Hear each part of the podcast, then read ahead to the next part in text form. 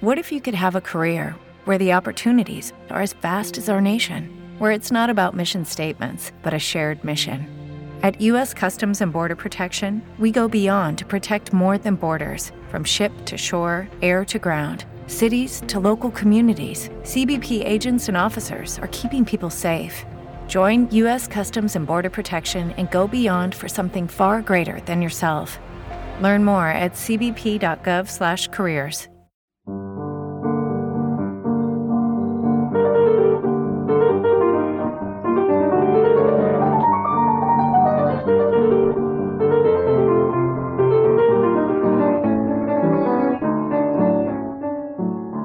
Rap Ràdio presenta Revolta, un pont entre cultures. Amb Mireia Viladevall.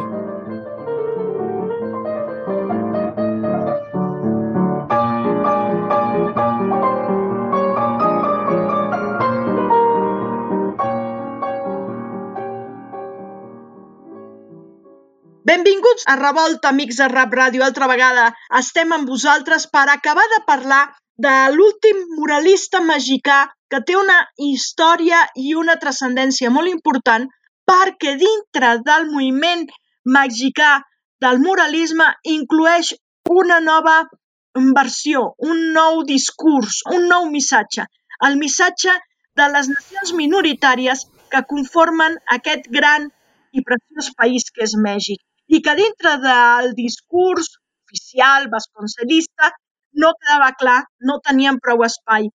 El programa passat vam comptar amb la presència de l'Auràlia Ramírez. Bienvenida, Auràlia.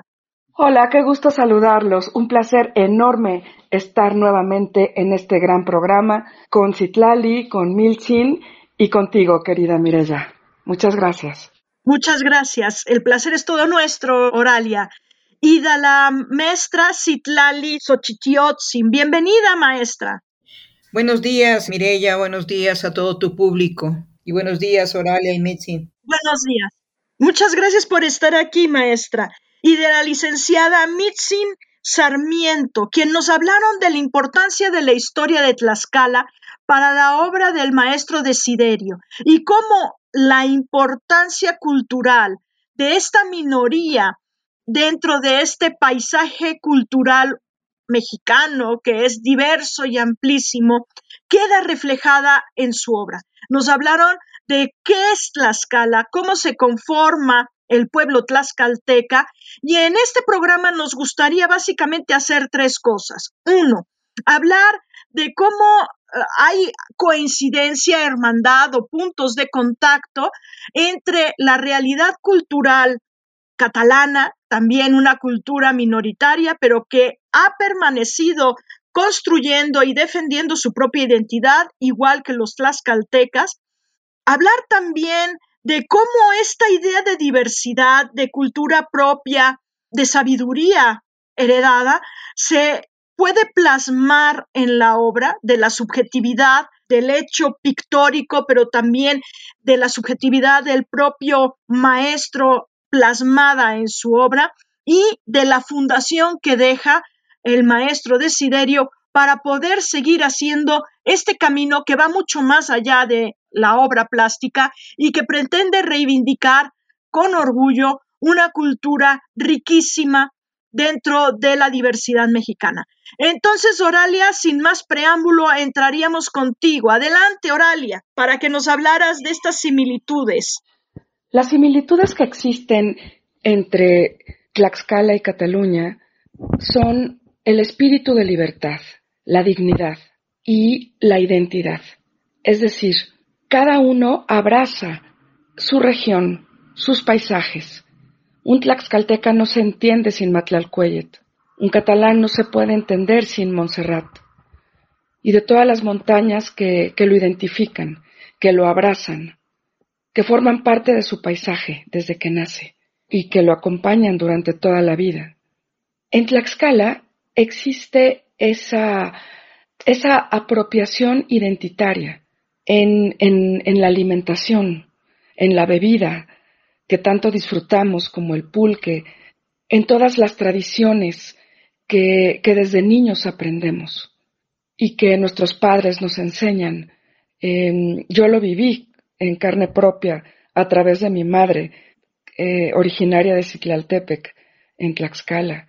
Y, y lo más importante es que todos estos, todos estos íconos que, que forman parte de nuestra identidad los podemos ver a través del pincel del maestro como parte de una identidad visual de Tlaxcala para el mundo, para Cataluña y para México. Porque a pesar de que Tlaxcala pertenece al país México a través de la República Mexicana, Tlaxcala sigue siendo ella misma, sigue permaneciendo a través del tiempo.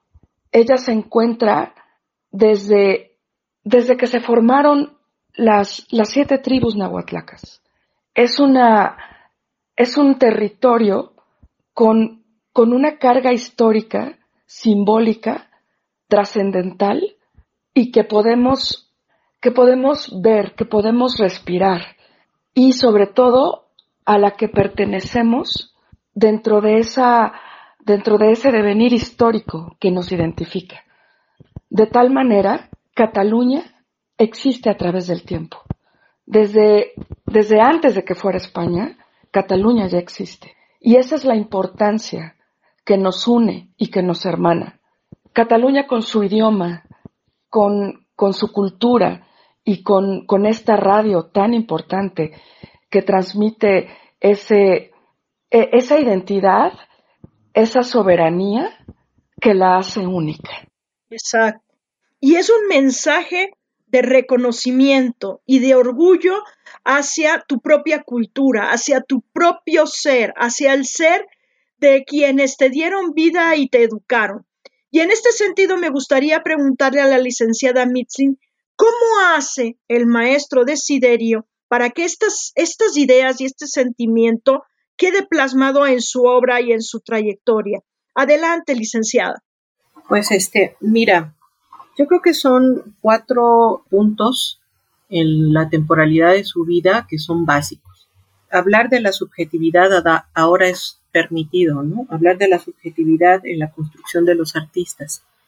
Básicamente aquí nos vamos a concentrar en, las artes plásticas, ¿no? Porque el maestro pues es, es pintor y es muralista, pero antes no se permitía hablar de esa construcción de la subjetividad, que además es súper importante, ¿no? O sea, entender el desarrollo de los conceptos, de los discursos, de la narrativa, de sus reflexiones y análisis, ahora es, es, aceptable, ¿no? Y hay cuatro puntos de los que podamos ir eh, hablando. El primero, que es el, esencial, el que da, eh, el que abreva, digamos, eh, el, el, análisis que hace el maestro en torno a su obra para su construcción, es su familia. Y la familia tiene una, está basada justo en las costumbres y tradiciones que ahora conocemos como la tlaxcaltequidad, es decir, qué se hace todos los días, cómo se construye la, lo comunitario, la colectividad, eh, cómo son las relaciones eh, vecinales, familiares, emocionales, para hacer justo también un, una, una construcción social. ¿no? y, esto lo pongo porque, bueno, parecería una obviedad, pero no es lo mismo hacer una, una construcción de vínculo, no sé, eh, en, en, el norte del país, que hacer un vínculo familiar y social en el centro del país. Y es una obviedad, pero también tiene que ver con la geografía, con el clima, ¿no? Con, con la alimentación, que, que, con los productos alimenticios que ya tocábamos el tema en el anterior programa, ¿no? Entonces, la familia para el maestro Xochitl es, es un brevario súper importante porque es su soporte y es el, eh, la herencia de su identidad, que además su familia, sus padres, sus abuelos transmitieron esa información de la tlaxcaltequidad, si bien no se conocía o no estaba todavía en su lenguaje esta palabra, el maestro eh, pudo hacer esta aportación también en el desarrollo de su plástica, ¿no? y en su desarrollo también etnográfico. Entonces, el concepto de la tlaxcaltequidad es muy sencillo, es entender todas las tradiciones, costumbres cotidianas, ¿no? Que le van a permitir eh, generar posteriormente. El otro, el otro punto básico de su temporalidad es colocar que su familia tuvo que emigrar por cuestiones de la Revolución Mexicana. Primero eh, estuvieron en, Veracruz, ¿no? Para, para seguir eh, teniendo su abastecimiento económico y regresan a, bueno, más bien eh, se colocan en Puebla, en la ciudad de Puebla, porque no pueden regresar a Tlaxcala. Y en Puebla tienen un desarrollo de su colectividad como migrantes y eso vuelve hacer un punto esencial, ¿no? La, visión y la cosmovisión del migrante eh, o de lo ajeno de estar en un lugar que no te pertenece. Entonces, se arraiga mucho más, ¿no? La tlaxcaltequidad se, se arraiga mucho más en él, ¿no? Porque le permite justo tener una adaptación y una resiliencia, ¿no? Mm, y en este sentido, porque esta radio es una radio de migrantes, es una radio hecha para la diáspora catalana en el mundo, el, sentimiento y la vivencia de migrante también queda reflejada en su obra. Así es, su búsqueda más bien de lo que escuchaba cotidianamente en Puebla, es que al ser migrante no pertenecía y empieza entonces a generar justo estas reflexiones de quién es, a dónde pertenece y empieza a desarrollar esta narrativa de salir de lo hegemónico, del discurso hegemónico que, cotidianamente escuchaba. Es como, como su inicio, pero también es interesante porque Puebla le permite formarse académicamente. ¿no? Él entra en la Academia de Bellas Artes de Puebla muy joven, entra a los 14 años y sale a los 19. Esto parecería un poco este, discordante, pero hay una anécdota. el maestro Xochitl sí tiene habilidades eh, tempranas y es su abuelo quien le apoya. Volvemos esto, vuelvo a lo mismo, que eh, las tradiciones y el sostén de su familia le permite entrar a la academia muy joven y a los 19 años ya es un pintor, ¿no? Pero Puebla le permite formarse. Es en estos años, en, este centenario, que Puebla, con su institución cultural, ha volteado a ver al maestro Xochitl y a darle su lugar también como eh, uno de los agentes sociales en la construcción también de sus instituciones culturales, ¿no? El maestro Xochitl. Y creo que todavía no se lo han dado, eh, no le han dado el lugar que merece, fíjate. Y, bueno, eso ha sido también un trabajo arduo de la fundación, de la gestoría de la presidenta de la fundación, la maestra Citlali. Y bueno, eso es una de las funciones y objetivos de la fundación, seguir eh, divulgando y, salvaguardando, ¿no? Pero bueno, yo creo que más adelante eso lo vamos a tocar. Ahora, en, en, la misma... Espérame tantito, porque, espérame tantito, Mitzi, porque la maestra Citlali levantó la mano. Adelante. Sí, mira, yo quisiera yo ah, agregar a lo que está comentando la licenciada Mitzi. Hay, una, hay un elemento importante que tú mencionaste, en dónde están estos liminares que permiten a los emigrantes generar, como el maestro Xochitl, un discurso estético.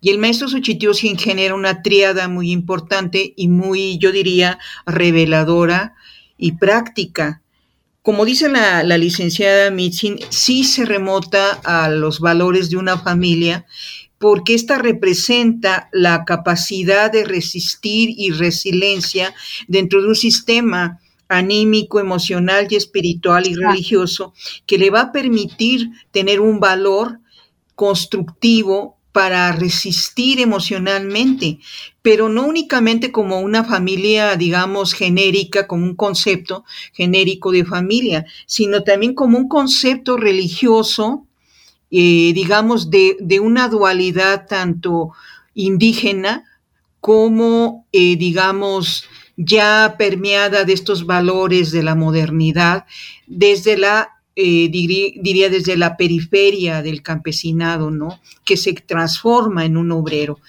Y el maestro tiene estos valores transitorios que observa y ve en su familia, pero que en esta triada de la que estoy hablando es resistencia, resiliencia y lo transforma en una actividad ética.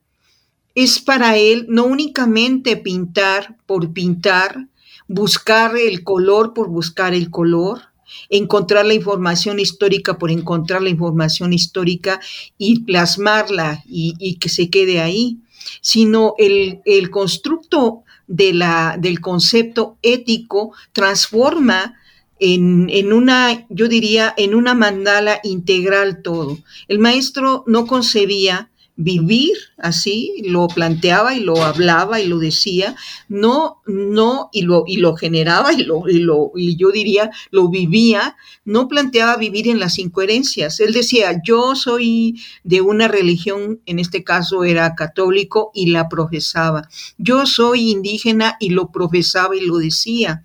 Yo soy un pintor y lo hacía, pero también era un constructor de sentidos y se dedicaba a hacer la difusión de ese concepto y se dedicaba a educar y se dedicaba a investigar y se, y se dedicaba a generar los espacios de la reflexión, pero sobre todo de una manera ética, porque todo en esto, en un horizonte conceptual de coherencia, planteaba un hombre que tuviera para los ojos que nosotros hemos investigado, un hombre de coherencias en todos los niveles, o sea, de una gran, digamos, autenticidad con la coherencia de su mundo, pero también llevados a una actitud ética social política, porque él fue un intelectual crítico y sufrió también las consecuencias de ser un intelectual crítico, ¿sí? Y nunca pensó solamente en hacer una obra en donde eh, los aspectos formales de su trabajo como pintor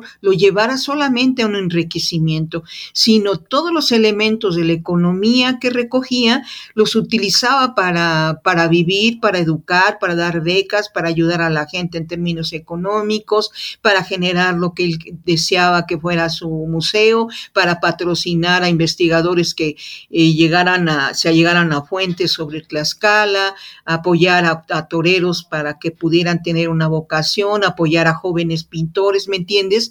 Entonces, sí. este constructo que tienen los, los, los emigrantes, que bien señala la licenciada Missing, van preguntándose quiénes son pero solamente el, elemento fundamental que tiene el, el, emigrante es el de la resiliencia. Y el maestro lo lleva más allá, por eso es muy exitoso, porque la familia de él le hereda esta, esta tesitura ética de la coherencia a través de todos sus actos y él lo lleva a lo histórico, lo lleva a lo político, lo lleva a lo social lo lleva a lo educativo. Entonces, esta triada de coherencias permite que esa vida cotidiana y esa este, intimidad familiar que él tenía, pues no estuviera dividida. Desgraciadamente, el sistema social en el que vivimos nos separa o nos intenta y yo diría nos transgrede constantemente para que estemos divididos. Una cosa es la familia, otra cosa es el trabajo, otra es la, la vida emocional, otra, ¿sí? ¿Me entiendes?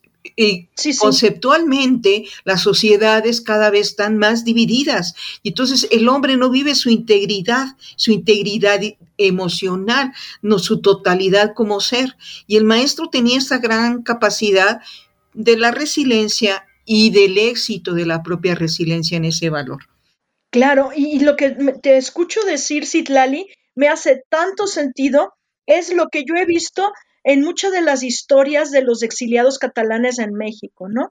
Como el ser crítico, el tener un, orgullo por ser, el no tragarse en las órdenes y el discurso eh, hegemónico, sino ser crítico ante él y tener un planteamiento claro, pues tuvo un costo, pero además ese costo los llevó a otro país, a otra realidad, a ser migrante y a partir de ahí a cuestionarse quiénes, quiénes eran, y cómo querían ser y tratar de lograr esta coherencia, no, no nada más mm, soy tal, sino actuar, vivir, pensar, sentir y hacer como, como dices que tienes que ser. Eso lo veo y veo también esta idea de, bueno, no me lo quedo todo para mí, sino que yo tengo un compromiso con quienes están alrededor, con quienes me recibieron o con quienes me han hecho ser quien soy. Y esto me hace mucho sentido. Muchas gracias por aportarlo Citlali, porque creo que esta dimensión ética de la cual hablas y que vivió el maestro y supo transmitir y dejar elementos para seguir profundizando, en la sociedad actual creo que se ha perdido mucho, ¿no?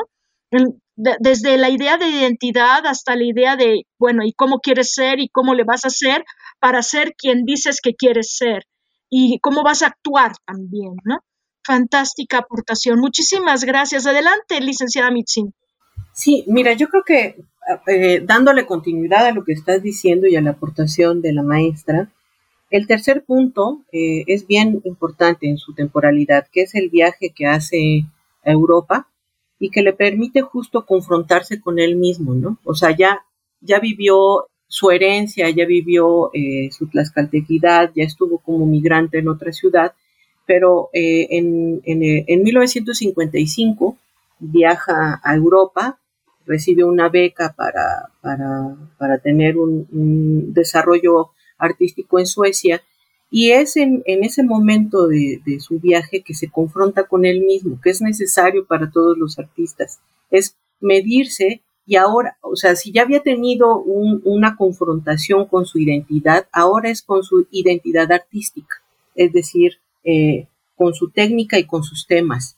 Después de, de, cumplir con su objetivo de la beca, hace un viaje de cuatro o seis meses por Italia, por por Holanda, este, por España, para ver a estos grandes muralistas, porque ya estaba en, él la semilla de, de tomar esta, esta, herramienta del muralismo como, un, como una herramienta educativa, ¿no? Y sobre todo con la posibilidad de desarrollar una narrativa a través de la plástica. Pero Europa le abre los ojos y, es un viaje, digamos, solitario, con él, ¿no? Que, que le permite que a través de sus silencios, pero con los ojos bien abiertos. What if you could have a career where the opportunities are as vast as our nation, where it's not about mission statements, but a shared mission? At U.S. Customs and Border Protection, we go beyond to protect more than borders, from ship to shore, air to ground, cities to local communities. CBP agents and officers are keeping people safe Join U.S. Customs and Border Protection and go beyond for something far greater than yourself. Learn more at cbp.gov/careers. Eh, pueda medirse y, y ver hacia dónde iba su proyecto como artista. Regresa a México y viene el cuarto punto temporal importante en su vida, que es regresar a México y ahora sí materializar, ¿no? Ahora, ¿qué voy a hacer como artista, no? y es invitado por el escritor tlaxcalteca Miguel Enelira a desarrollar en el Palacio de Gobierno la historia de Tlaxcala. como primera eh, invitación era pintar solamente un muro muy pequeño, pero él es ambicioso y decide generar un proyecto que es mucho más grande, ¿no? No solamente asignado nada más a un espacio pequeño de 4 por 4 metros, sino en realidad hacer un, desarrollo histórico y, plantea una vez, una vez más el proyecto y es recibido, pero en esto que ustedes también mencionaban de la ética, eh, él tiene también dos aportaciones importantes. Una, que es el registro. Es bien importante registrar eh, nuestra historia, porque si, si, no existe el registro, pues no existimos, ¿no? Entonces, aparte de seguir en su construcción plástica, él se convierte en un etnógrafo, es decir, vive la cultura, se va a los espacios geográficos para mirar el horizonte y poder transmitirlos en los murales, ¿no? Eh, cómo se ve la luz, este, cómo son los colores, y, es un trabajo que después lo lleva a una manera muy acuciosa de registrar la historia. Si bien es un, es un artista plástico, el proyecto de los murales le exige el ser un historiador eh, acucioso, rígido. Ajá. Pero, pero con, con rigidez, él, él no se permitió hacer, si bien tiene una subjetividad, no se permitió hacer especulaciones, por eso siempre recurría a las fuentes, ¿no? Entonces, eh, eh, en estas aportaciones, él se dio cuenta que tenía que también divulgar y transmitir la información. Si bien estaba pintando y el proyecto de los murales le llevó 50 eh, años, todo el tiempo también estaba generando conferencias, participando como cronista, tenía sus programas de radio, eh, escribía una columna eh, cada domingo en el periódico porque sabía que era importante divulgar y además también tener la rigidez de divulgar y de registrar. Esas son una de las aportaciones que yo considero eh, como parte de la fundación que es importante. El registro, siempre estar registrando, porque si no hay memoria, ya lo hemos visto, si no hay memoria, desaparecemos. se pierde todo, se pierde, totalmente de acuerdo. Y entonces él tarda 50 años en hacer los, los murales del palacio, pero mientras hace un montonal de cosas y entre esos, esas cosas que hace, deja la semilla de la fundación, ¿no? ¿Es así, maestra Citlali? Mira, empezamos a trabajar por, por iniciativa de él unos tres años, unos cuatro años antes de que él falleciera. Eh, él empieza a, a, plantear la necesidad de su fundación y empezamos a apoyarle con, con algunos contactos para que pudiera él ir viendo cómo organizar la herencia de su legado. Es bien interesante también porque estaba más preocupado por su legado intangible que por su legado tangible. Y lo digo porque los primeros pasos que, él solicitó con, con, tu servidora, yo en este caso, son los aspectos legales y los aspectos de su registro sobre sus conceptos, no, no solamente de su obra en sí ya magna, que son los, el Palacio de Gobierno, sino eh, por eso ah, este, cambiamos varias veces de abogados y por eso no encontrábamos el abogado que comprendiera lo que el maestro en su tesitura eh, deseaba. Eh, las fundaciones están establecidas por lo regular en el valor de la obra física. Y el maestro estaba más preocupado porque su fundación tuviera en su dinamismo los valores intangibles. Entre esto, lo que ha estado hablando la licenciada Milsin, su constructo histórico, su concepto sobre la historia, su concepto sobre la clasquelticidad, su concepto sobre la familia, sobre la vida, sobre la rectitud, etcétera, etcétera, etcétera. Cambiamos varias veces de abogados porque los abogados no entendían, no entendían cómo hacer el registro de valores intangibles, ¿sí? Y cambiamos también porque ellos no se dieron tampoco a la, digamos, a la suerte en términos de sus capacidades intelectivas en entenderlo. ¿sí? Porque tú sabes, en México los notarios están más enfocados en, en la ganancia sobre el producto. ¿no? Exacto. Y en la, y en la protección sobre la, sobre la mercancía. Entonces, sí, sobre la propiedad privada, sí, sí. entonces cuando él quería que eh, los, los estatutos de la fundación estuvieran eh, valores, pues no lo iban a entender y además que le diera todo el espacio a estos valores, pues tampoco lo entendían los notarios. Y el maestro se desesperaba con algunos y luego me dijo, ¿sabes qué? Vamos a cambiar de notario, vamos a cambiar de abogado, cambiamos. Luego encontramos la, la, dificultad en términos de la ley que existía en ese momento para la garantía de los derechos autorales, no estaba tan desarrollada ni tan avanzada la protección de los valores intangibles como ahora, y aún así tenemos muchas lagunas, pero él estaba más en ese sentido. Entonces encontramos un abogado que de origen mexicano que estaba haciendo su doctorado allá en Cataluña y que me puso en contacto con, con un amigo él me dijo, mira, e-, ellos acaban de hacer una redacción sobre derechos indígenas ¿no? Y, sus, y todas sus demandas en ese entonces. Y a través de él fue que fuimos trabajando, trabajando, trabajando para que eh, la redacción de los artículos que protegen a la fundación tuvieran esta tesitura.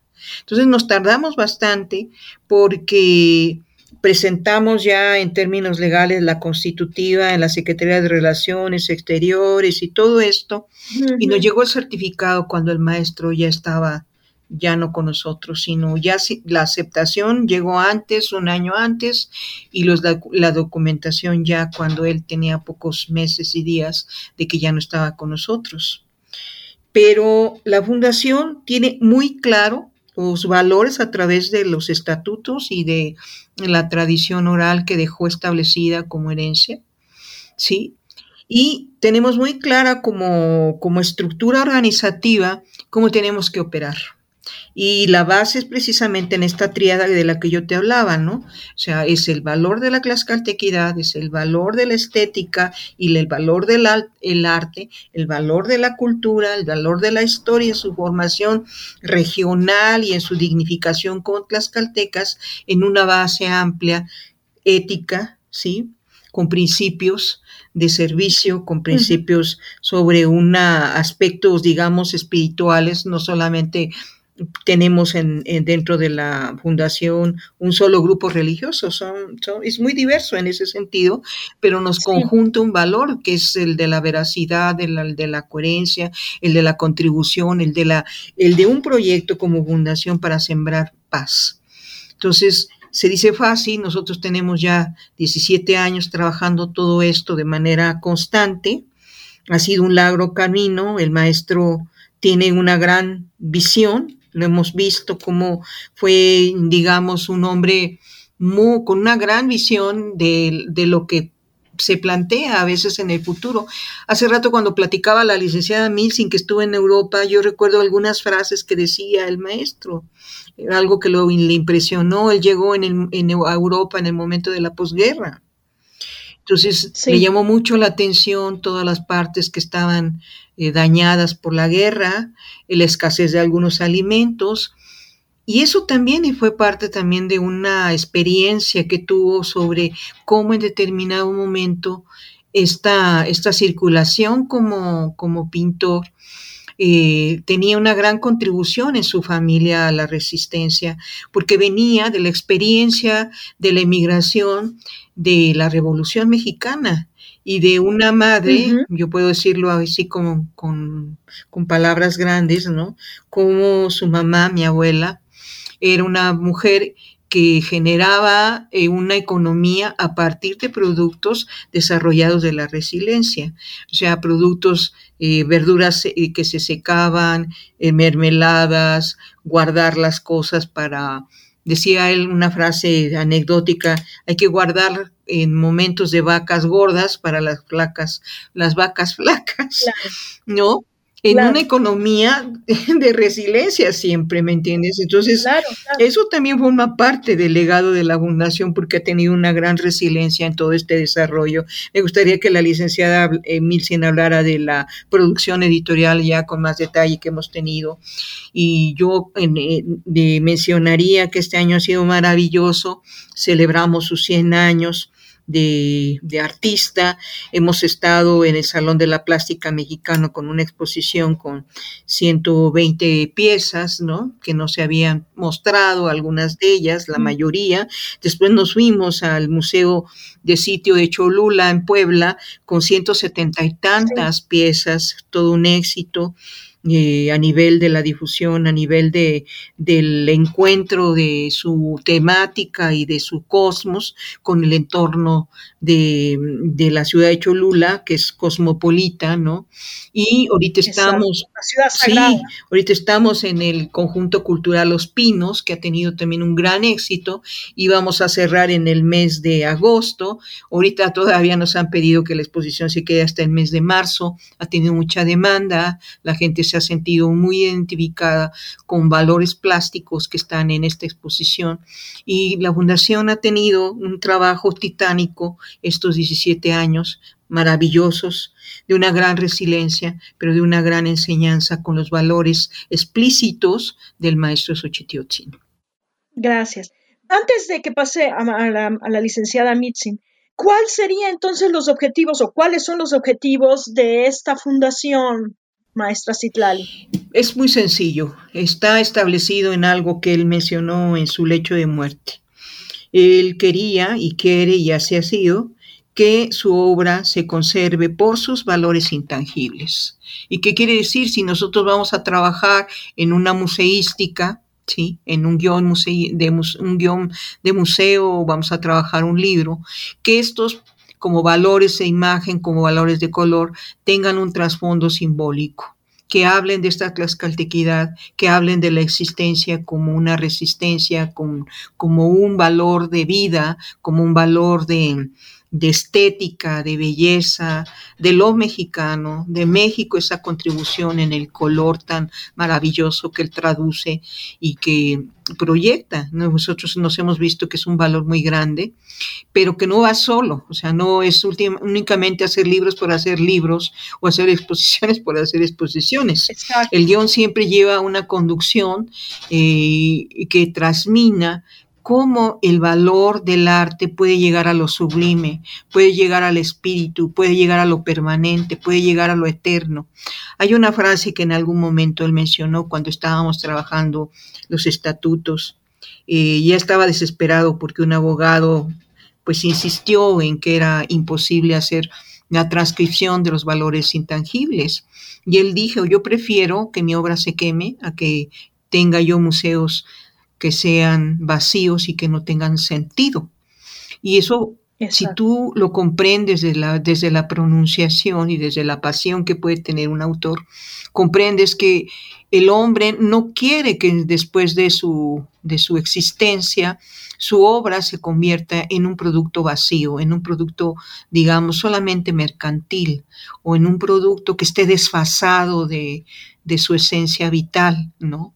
Y si bien esa vitalidad se puede traducir en los aspectos formales estructurados desde el cuadro, tienen que estar sostenidos por el propio discurso que desplazamos en la museografía o que desplazamos en el momento de la promoción. Por eso yo quería que hablara de esto la licenciada Milsin, porque hemos logrado precisamente eso a través de este trabajo semiótico, simbólico, Em, de, innovaciones culturales en la promoción, etcétera, etcétera. Pero me gustaría que ella pudiera mm, comentarlos. ¿no? Perfecto. Adelante, licenciada. Pues mira, para dar un poco de, formalidad, la fundación, eh, como ya se mencionó, su misión básica es la de salvaguardar y la de divulgar su obra plástica e intelectual y nos ha llevado eh, un desarrollo largo pero seguro para estructurar la fundación. La fundación está, digamos, sostenida por un consejo. El consejo nos permite dialogar, analizar y tomar decisiones, es decir, volvemos a lo mismo que son estas formas de la tlaxcaltequidad, que es tomar decisiones democráticas, ¿no? No solamente quedarse en un, en un diálogo lineal solamente de, tomas de decisiones por parte de una persona, sino que el diálogo nos permite eh, pues tener aportaciones y, y multiaportaciones, ¿no? Entonces está, digamos, a la cabeza el consejo, pues posteriormente viene la presidencia que está eh, encargada de toda la gestoría, las relaciones públicas, la que les da las, las, las políticas, digamos, eh, que tienen que ver también con la actualidad. Y, posteriormente vienen los, departamentos. Tenemos un departamento jurídico que está concentrado en los derechos autorales. Tenemos un departamento comercial que es eh, la parte comercial nos permite generar productos culturales eh, tangibles para la autosustentabilidad del proyecto de la fundación, ¿no? O sea, también reconocemos que es importante eh, la base de la economía, ¿no? Eh, porque no, no, no estamos a la par, más bien no estamos concentradas en una institución. No, no, no son autosuficientes nada más así, porque Exactamente. y, y, y en la parte que a mí me toca, que es el departamento de archivo, diseño y editorial, el archivo es básico para ir reconociendo las narrativas del, del maestro y generar así los contenidos eh, y generar así también los diseños eh, que vienen en exposiciones, que vienen en, las colecciones editoriales y que vienen en los subproductos, porque estamos ahorita enfocándonos mucho en los derechos culturales. la obra del maestro eh, implícitamente siempre está hablando del valor del derecho cultural. El derecho cultural tiene apenas pocos años. En, sí, en este país tiene poco, muy poco en, tiempo. En 2007 ya se hace como una apertura, pero es una apertura jurídica, pero hay que entender el derecho cultural también a partir de lo filosófico. Y en la obra del maestro y sus aportaciones intelectuales está también ahí, ¿no? implícitamente. Y el proyecto eh, que tenemos como Fundación de Derechos Culturales es generar contenidos, porque también nos abocamos a, hacer conferencias, a hacer conversatorios este, en todos estos formatos, pues para, para seguir divulgando la cultura. Nos estamos pasando más de cinco minutos.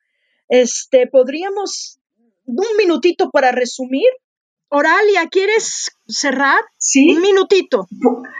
Sí, gracias. Pues que es un gusto enorme haberlas escuchado, habernos nutrido con esta información tan importante del centenario del maestro Xochitl, conocer su obra de Tlaxcala para el mundo y que pues invitamos a todo el público a conocerla.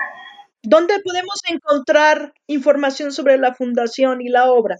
Eh, los murales, eh, que es su máxima obra, está dentro del Palacio de Gobierno de Tlaxcala y ahorita, como bien dice, acaba, eh, la maestra Citlali comentó, está en, la, en Ciudad de México, en el Centro Cultural Los Pinos, en la Sala Miguel de la Madrid. Ok. Y también, y también hay textos que eh, a través de su página está en Facebook, Fundación Desiderio Hernández Xochitl, y eh, no sé si la maestra Milsi nos puede decir algún otro enlace para poder adquirir los, los textos, los libros que están muy, muy bonitos y podernos acercar y conocer y disfrutar su obra.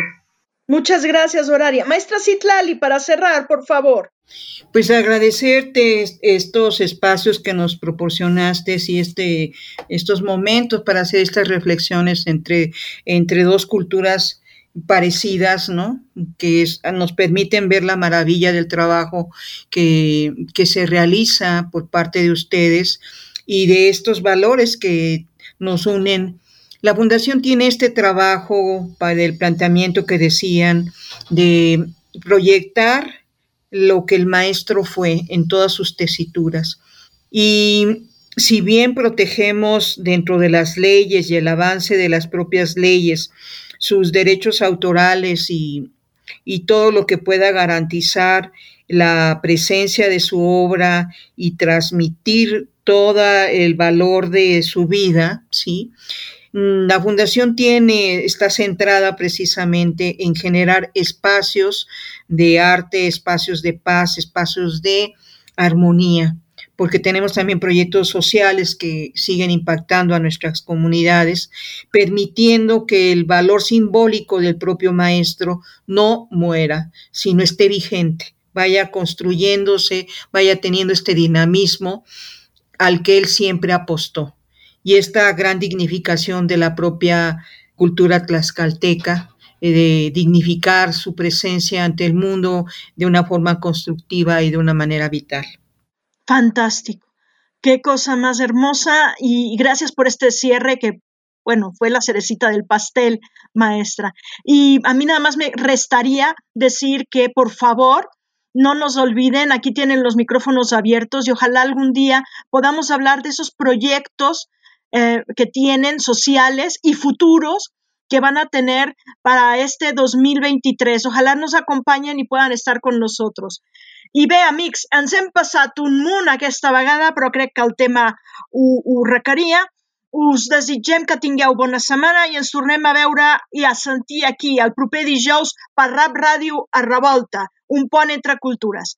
Fins al proper dijous. A reveure. Revolta, un pont entre cultures. Amb Mireia Viladevall.